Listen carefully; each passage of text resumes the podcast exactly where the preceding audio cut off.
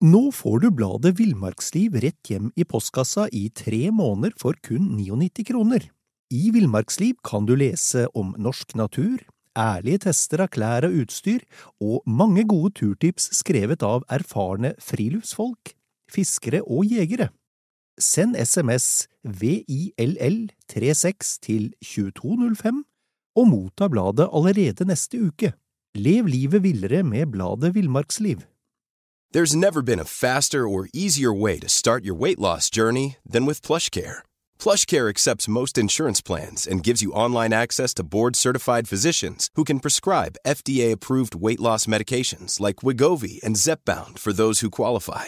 Take charge of your health and speak with a board-certified physician about a weight loss plan that's right for you. Get started today at plushcare.com slash weight loss. That's plushcare.com slash weight loss. plushcare.com slash weightloss.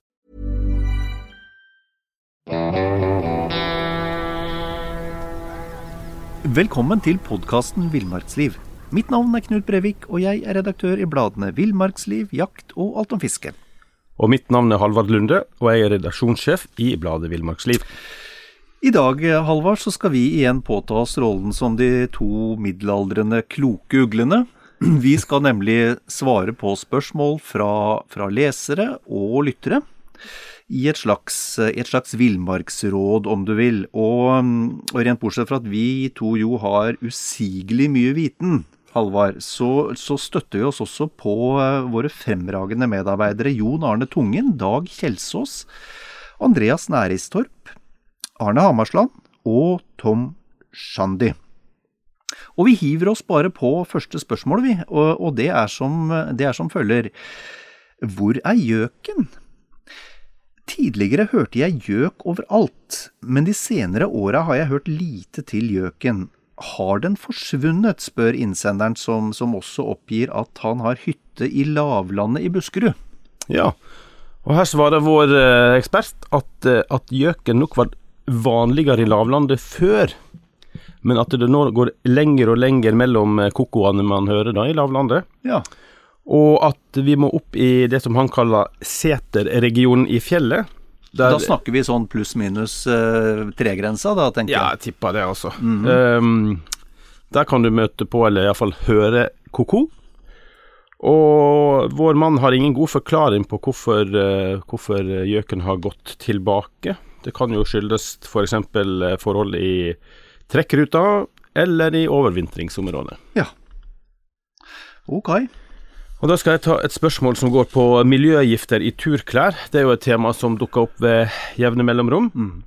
Og Da er det en leser her som spør at det er en del fokus på bruk av ulike miljøgifter under produksjon av turklær. Og da Kan noen av disse giftene være skadelige for oss når vi bruker disse klærne, eller er det kun i forbindelse med produksjon at miljøet blir skada? Ja, det er jo et, er jo et godt spørsmål. Um, og, og, vi er ikke sikre på at vi er helt kvalifisert til å svare, men, men sånn vi har forstått det i hvert fall, så er det, så er det ikke helt 100 sikkert eh, hvordan dette påvirker oss som forbrukere. Um, vi har i hvert fall ikke funnet noe, noe 100% svar her. Uh, et, et tips er jo å se etter at produktene du har tenkt å kjøpe, ikke inneholder fluorkarboner. Uh, og om det, det, ikke er oppgitt uh, på det produktet du vurderer å kjøpe, så, så, er det jo greit å se etter et annet. Og når det kommer til når dette med om miljøet kan bli skada ved produksjon av turklær, så er det, er det, godt dokumentert. Det er det ingen tvil om. Og et annet moment er jo at det kan gå med store mengder vann i selve produksjonen. Og, og det, det, her skjer jo gjerne i områder i verden hvor rent vann ikke er så vanlig som i Norge, hvor rent ut rent vann er en mangelvare. Eh, men når det gjelder, når det gjelder kjøp av, av turklær, så, så, fikk, eh, så, fikk, vi et råd en gang som, som eh, i, i, hvert fall vi bruker for alt det er verdt. Og, og det er ganske enkelt sånn at når du kjøper nytt, nytt turutstyr, eller tøy, turtøy, så, så, er det lurt å vaske alle nye klær før de blir brukt. Ganske enkelt, ganske enkelt for, for, å, for å skylle ut fargerester eller kjemikalier som sitter igjen fra produksjonen. Om det fjerner all risiko for å bli påvirka av stoffer fra, fra produksjon, det, det, gjør det muligens ikke, men, men, vi føler oss i hvert fall mye bedre etter at vi har, etter at vi har vaska tøyet før det tas i bruk. Kan jeg få legge til eh, en ting eller to som jeg faktisk lærte denne uka? Veldig gjerne, Halvard. Og det er sånne klær som er innsatt med mygg, eh, myggmiddel. Det finnes jo. Ja. Og, og, det er veldig skadelig for, eh, for fisk eller dyr som lever i ferskvann. Ja.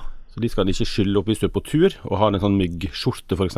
Ja, ja. Så ikke skyll den opp i det vannet du skal fiske i. Ah. Det er ulurt. Det, det er visst ikke bra. Bra poeng. Og så er det jo det her med flis og, mikroplast har jo vært et tema. Mm, mm.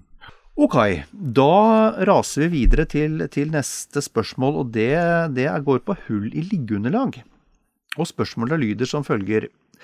På høstjakta lå vi i lavvo, og da oppdaga jeg at lufta forsvant fra liggeunderlaget i løpet av natta.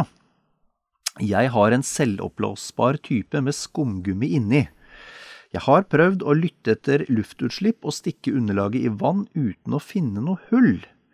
Har dere noen bedre tips?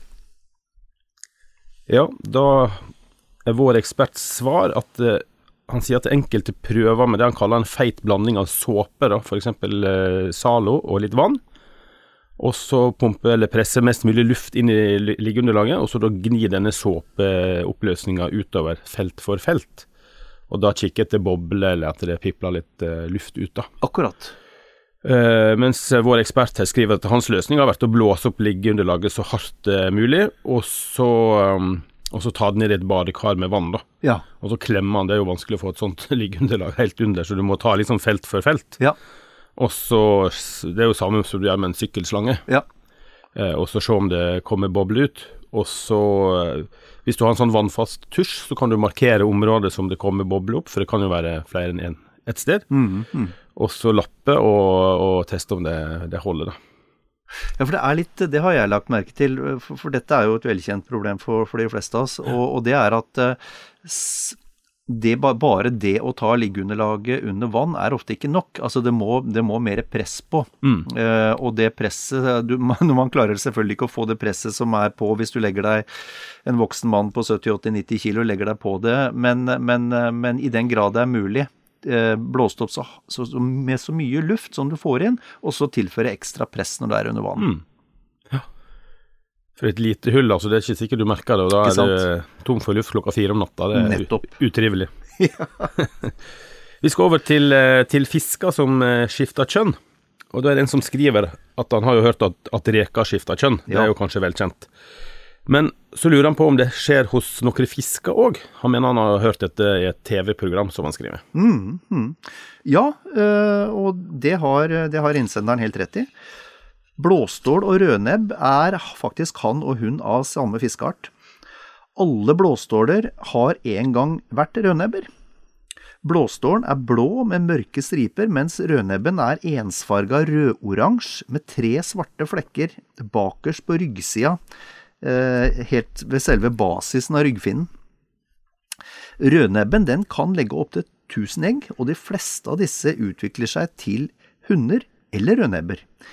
De lever som hunder i en årrekke og forplanter seg ved å legge egg i blåstålenes reir. Blåstålen holder et harem av hunder, det er, det er noen, eh, og blant rødnebbene er det et hierarki av dominans og underkastelse. Dersom én blåstål forsvinner, vil rødnebben øverst på rangstigen skifte kjønn og erstatte denne. Kjønnsskiftet er altså det vi kan si sosialt betinga og skjer først ved sjuårsalderen. Selv om de fleste egg blir til hunder, er det også noen som blir til hanner.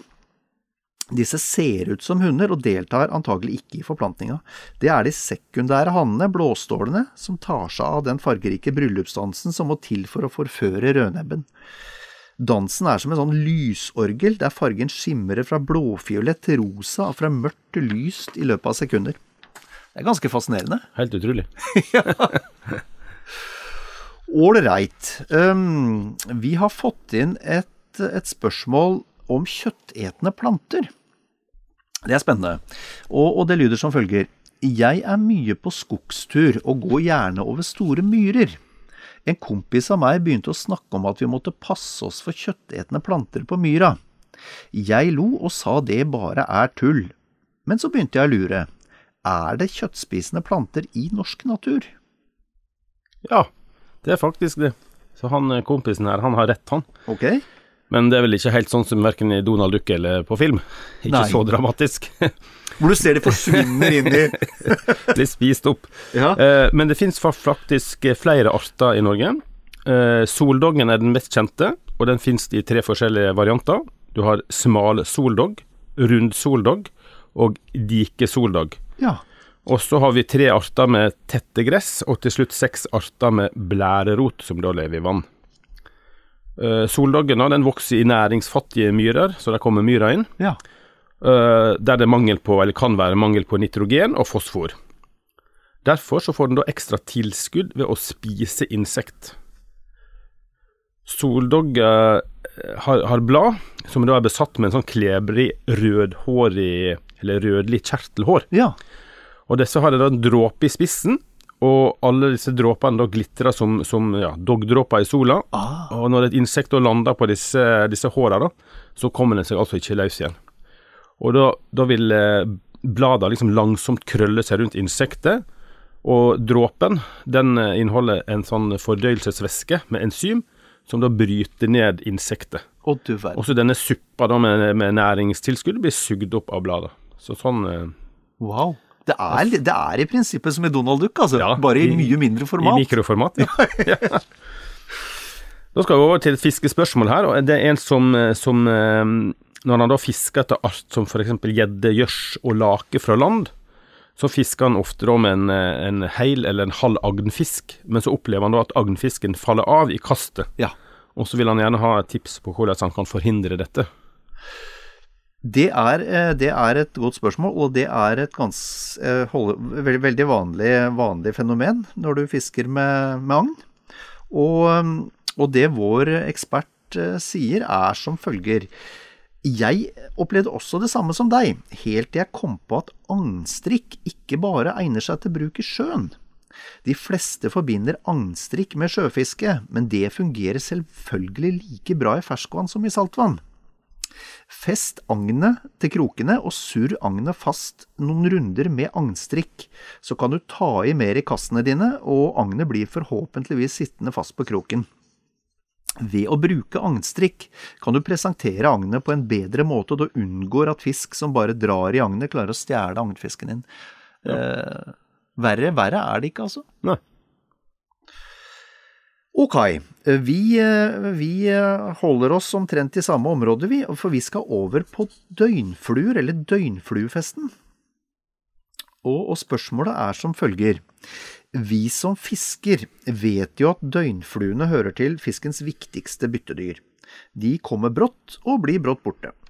Lever de virkelig bare et døgn? Ja, godt spørsmål. Altså, som nymfe så lever jo de fleste døgnflue et helt år i vannet, skriver vår ekspert. Ja. Og noen faktisk opptil to år. Men eh, når de først da klekkes og blir et voksent insekt, ja, så lever iallfall bare hannene et døgn eller to. Akkurat. Eh, og når det gjelder denne døgnfluefesten over vannet, så er jo den til for å, um, å tiltrekke seg paringsvillige hunder. Det, det meste av av det vi gjør, Ja, Halvard. alt, alt kommer tilbake til det. Altså. Og da liksom, da, så i den verden som i vår, så må han være frampå, og gjerne først, og kapre seg en hund. Ja. Og, og da har den sterke, liksom forlenga frambein, så griper han den utvalgte hunden, og paringa skjer i lufta. Det er spenstig. Og dermed så har han, han har gjort sitt, og da kan han dø. Og hensikten er oppnådd, og genene er spredd videre. Ja. Så, så, så innsenderen har på sett og vis, eh, altså se- selv om det er et, et, et år som ligger, eh, ligger i forkant, så, så etter, at de, etter at de kommer opp i lufta, kan du si? Etter at de blir si, synlige for oss, da. Ja, Så, så er livet kort, altså. du verden. Vi skal over til egg, og en innsender her, han skriver at eh, han fant et hvitt eggeskall. Det her var på våren i mai, og det var på størrelse med en, eller egget må ha vært på størrelse med en fem kroner, men, men, eh, men en litt avlang form. Ja. Og han, eh, innsenderen han, han mener at han har hørt at bare uglene har hvite egg, og det, de hekker jo i huletrær. Og i området så, der han fant et egg i skallet, var det imidlertid ingen huletrær, mest gran under vekst. Ja. Så han lurer rett og slett på hvilken fugl som har lagt dette egget. Ja, nå er jo, er det jo sånn at uh, fugler som er reir på bakken, eller, eller synlig i trær, de er vanligvis farga og veldig kamuflasje, uh, og farga egg. Og, og, det er jo ganske enkelt en sånn tilpasning for å unngå at, at egga skal bli røva av reirplyndrere, som f.eks. kråke. Um, og de fleste ugler og spetter som har egga skjult uh, i hull i trær, de er de er helt ganske riktig, de er de blant de artene som, som har hvite egg. Um, I det tilfellet her så tipper vi at det er eh, skall fra ringdue, ringdueegg. Som har hatt eh, altså, De lager ofte et litt sånn slurvete lagd kvistreir, eller en tre-fire meter oppi ei gran. Så, så, ut fra beskrivelsen så høres dette ut som, eh, som er ringdue, eh, ringdueegg. Ja, akkurat. Ja, vi skal, vi skal være i skogen, vi. Og, og neste spørsmål eh, går på noe som innsenderen eh, spør om er skoglemmen. Jeg går mye i fjellet, og med noen års mellomrom opplever jeg de store lemenårene. Det er jo fantastisk. Nylig fikk jeg høre om skoglemmen. Er det samme art, bare at den lever i skogen? Spørsmålstegn. Ja, godt spørsmål. Og vår mann han eh, svarer at skoglemmen er en annen art enn lemmen, den som vi ser på fjellet. da. Ok. Og den har et helt annet liv. For det første så er ikke han like hissig. Nei. og for det andre så svinger ikke bestanden like mye, da, altså antallet. Okay. Eh, og så lever den, som da navnet kan, kan, avsløre, at den lever i skog. Og først og fremst i barskog, med, med der du har dette myke moseteppet som underlag. Ja, ja, ja. Eh, typisk på Østlandet, da. Og kosten den er særegen, for den, den spiser nesten bare mose. Ja vel.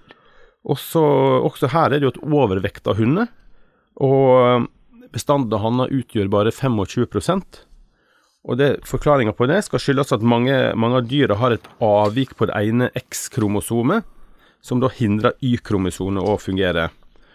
Så med andre ord er det individ som egentlig skulle vært en hann, det blir en hund.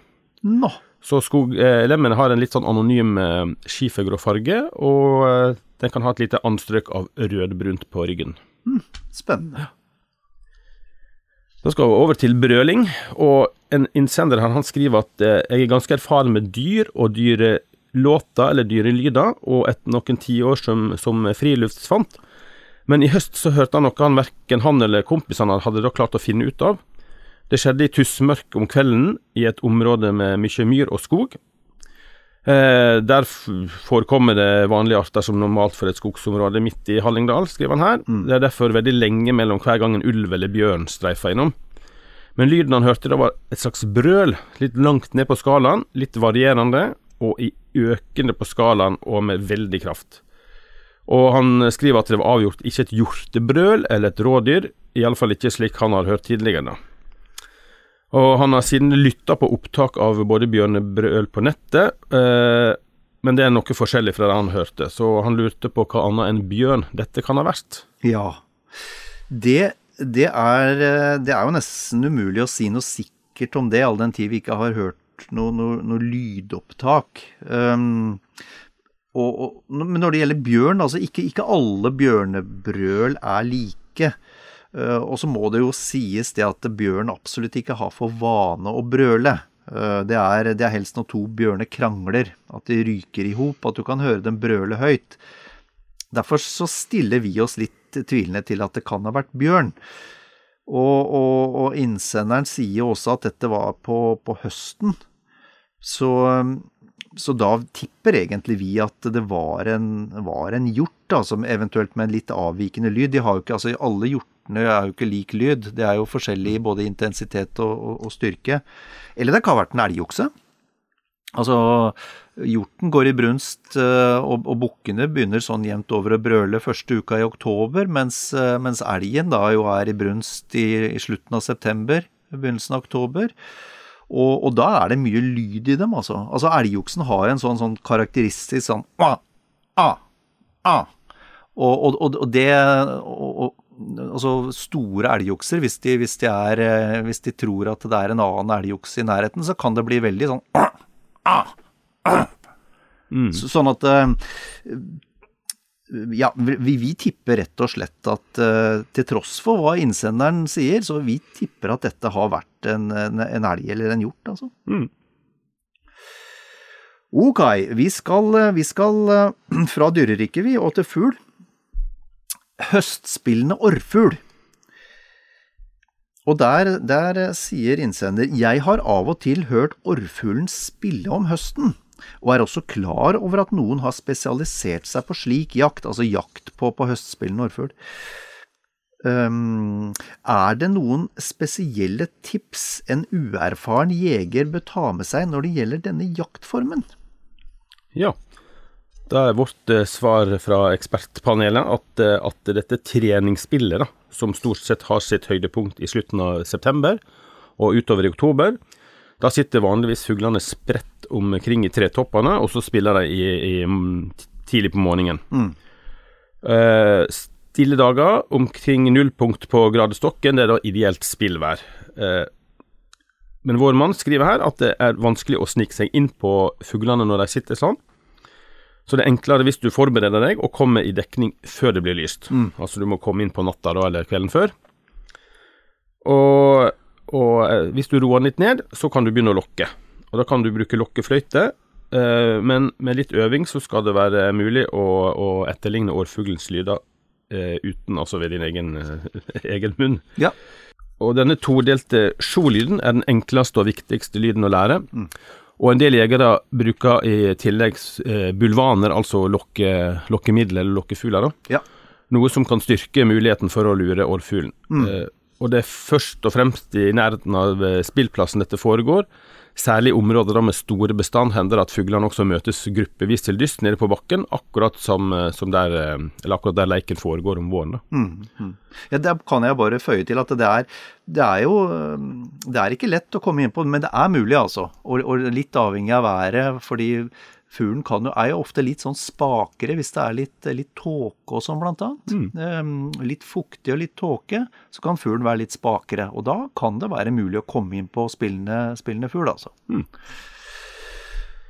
Vi skal over til et våpenspørsmål og oppbevaring av våpen. Og, og, her er da spørsmålet må våpenskapet boltast fast. Og Det er en som da nettopp har flytta til leilighet, og et problem der er at uh, hvor skal våpenskapet stå? Mm. Og det eneste realistiske alternativet han har, er da på gjesterommet, og der er det gipsplate på veggen og ny parkett på gulvet. Mm, mm. Og så lurer han på om det fortsatt er et krav om at våpenskapet må boltes fast. Mm, mm, han har liksom bladd rundt både i våpenlov og forskrift, men finner ingenting om dette, da. Nei, nei.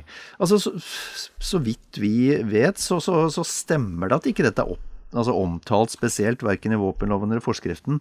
Det eneste som står der, er at våpen skal oppbevares i FG-godkjent sikkerhetsskap. Men i godkjenningsordningen for sikkerhetsskap, så der er det lagt inn en forutsetning om at sikkerhetsskap med egenvekt under 150 kg skal forankres. Um, og det er verdt å merke seg at den, den egenvekten, det er altså, det gjelder tomt skap. Mm. Ehm, som, som, må da over 150 kilos-grensa for å unngå krav om forankring. Én mulig løsning, for jeg, altså jeg, ser jo problemet hans. Det er jo ikke noe, jo ikke noe hyggelig å begynne å, å bore i, i, gipsvegger. Og man kan jo også Kanskje, kanskje, til og med en nyoppussa leilighet. Så så én mulig løsning, det er jo å bolte to skap sammen, sånn at egenvekta kommer opp i over 150 kilo. For det er klart, et, et våpenskap på 150 kilo er stort, altså. Og, og, jeg har jo et par våpenskap stående. Og, og, det er ingen av dem, og det er ganske store, det er ingen av dem som, som når over 150 kilo. Der snakker vi våpenskap med plass til en 10-12 våpen. Mm. Og du vet, det er de færreste som har så store skap. Sånn at det er, så vidt vi kan forstå, så er det, er det to løsninger. Det er å bolte dem sammen. Eh, eller forankre dem eh, i, i vegg, da. Mm. her bare for å si det, det alternativt er jo at du får For det, det, er det jo Politiet har jo en mulighet for å be om å få komme hjem til deg. Riktignok med, med litt forhåndsvarsel. Komme hjem og se hvordan du oppbevarer våpnene dine. Og hvis, da, hvis da ikke alt er, er etter boka, så risikerer du en smekk på fingrene og en bot. Ja. Ålreit. Um, da har vi kommet til et spørsmål om hvite ryper i snøløst landskap. I området jeg jakter, sliter vi ofte med å finne rypa når den begynner å skifte til vinterdrakt. Jeg vet at de da trekker mot snøen, men med de milde høstene vi har hatt de siste årene, er det gjerne begrenset med snøflekker. Jeg har derimot forstått at i mangel på snø kan den hvite rypa sitte i steinrøyser og lignende. Allikevel føler jeg at dette ikke er en fullgod resept. Hvor skal vi lete? spør innsenderen. Ja, og da er vårt eh, panels svar at dette er det vanskelig å liksom si noe eksakt om, siden, siden, vi åpenbart ikke har liksom lokalkunnskapen om topografi og lignende. Men eh, vår mann mener at, at innsenderen er på, på sporet, eh, og ved å se litt ekstra etter der det lyse partier i terrenget. Men en skal ikke glemme at rypa kan fly, fly langt på leite etter snøflekker. Eh, når det rette underlaget blir avgjørende, så kan den altså trekke opptil flere kilometer. Og ofte ser vi at fuglene kan befinne seg på et helt annet terreng enn der du selv har mulighet til å jakte på. Mm. Og, og hvis, hvis, denne biotopen i større grad består av et avgrensa fjellområde nær skoggrensa, så kan de eh, hvite rypene også trekke ned i selve skogen. Akkurat. Og da sitter de ikke sjelden i skyggeparti omkring bjørkeleggen eller enda til inntil, eller inn i tette buskås, for å skjule at de er veldig dårlig kamuflert for, for ja, dyr som er på jakt etter det. Mm, ja, for det er klart at, at hvite ryper i, i, mørk høstnatur er, har dårligere odds, altså. det, er, det er ikke til å komme fra. Ja. Det er dårlige odds. Mm. Og så har vi et nytt spørsmål her, og det er stand i medvind. Og Da skriver en mann eh, inn her at i høst jakta vi med en erfaren hund, og den fant et område der det tydeligvis var noe, men da jobba i motvind. Så gikk den tilbake ganske langt i medvind, og fikk plutselig stand i medvind. Det viste seg da å sitte fugl ti meter foran den i medvind. Ja. Og, hvordan kan en hund da lukte, i, i, lukte fugl i medvind, det er spørsmålet. Ja, nei, men det er jo et godt spørsmål. og uh, det er, det er vanskelig å gi noe sånn helt spesifikt svar på akkurat den situasjonen han spør om, fordi vind er vrien å holde rede på. Eh, men det kan være hunden skjønte at det var fugl der, uten å finne ut hvor, da den avsøkte, terrenget først. Og, og kanskje virvla vind litt, den gjør jo det eh, fra tid til annen. Så den øyeblikk hadde på en måte lukta i nesa. Og gode hunder som, som, som, som får ferten av fugl, vil jo da sjelden gi seg før de finner ut av situasjonen. Da hunden gikk tilbake medvinds, så kan det være at den kom på så fersk fot at den fikk stand, men at rypene nettopp hadde fortsatt litt videre medvinds. Eh, det er jo det er også en sannsynlig forklaring. En annen, eh, og, og også, også, også, stor mulighet, er at hun har fått øye på fuglene, ganske enkelt, som beveger seg. Altså synsstand, det at hunden ser bevegelse på rypene, er heller ikke uvanlig.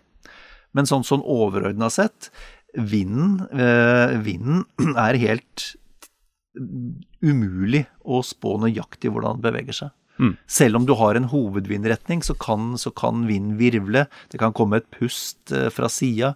Så, så, så, vind er vanskelig. Men, eh, men, men dette med synsstand, det er nok det vi velger å tro har skjedd i det tilfellet her. Ja, Halvard. Da har vi som de usedvanlige vi, vi, er jo overflødighetshorn av, av viten og innsikt, Halvard. Men da har vi kommet gjennom denne ukes spørsmålsrunde.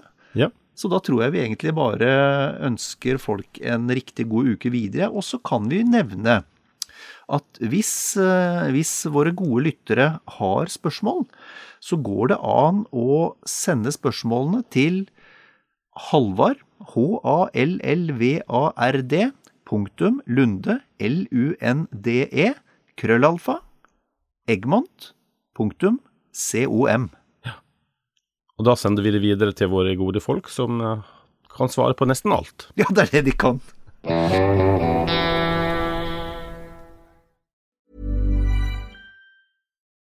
Nå får du bladet Villmarksliv rett hjem i postkassa i tre måneder for kun 99 kroner. I Villmarksliv kan du lese om norsk natur, ærlige tester av klær og utstyr, og mange gode turtips skrevet av erfarne friluftsfolk, fiskere og jegere. Send SMS VILL36 til 2205 og motta bladet allerede neste uke. Lev livet villere med bladet Villmarksliv. Even on a budget, quality is non-negotiable. That's why Quince is the place to score high-end essentials at 50 to 80% less than similar brands. Get your hands on buttery soft cashmere sweaters from just 60 bucks, Italian leather jackets, and so much more. And the best part about Quince, they exclusively partner with factories committed to safe, ethical, and responsible manufacturing. Elevate your style without the elevated price tag with Quince. Go to quince.com slash upgrade for free shipping and 365-day returns. Imagine the softest sheets you've ever felt. Now imagine them getting even softer over time. That's what you'll feel with Bowl and Branch's organic cotton sheets. In a recent customer survey, 96% replied that Bowl and Branch sheets get softer with every wash. Start getting your best night's sleep in these sheets that get softer and softer for years to come. Try their sheets with a 30-night guarantee. Plus, get 15% off your first order at bowlandbranch.com. Code BUTTERY. Exclusions apply. See site for details.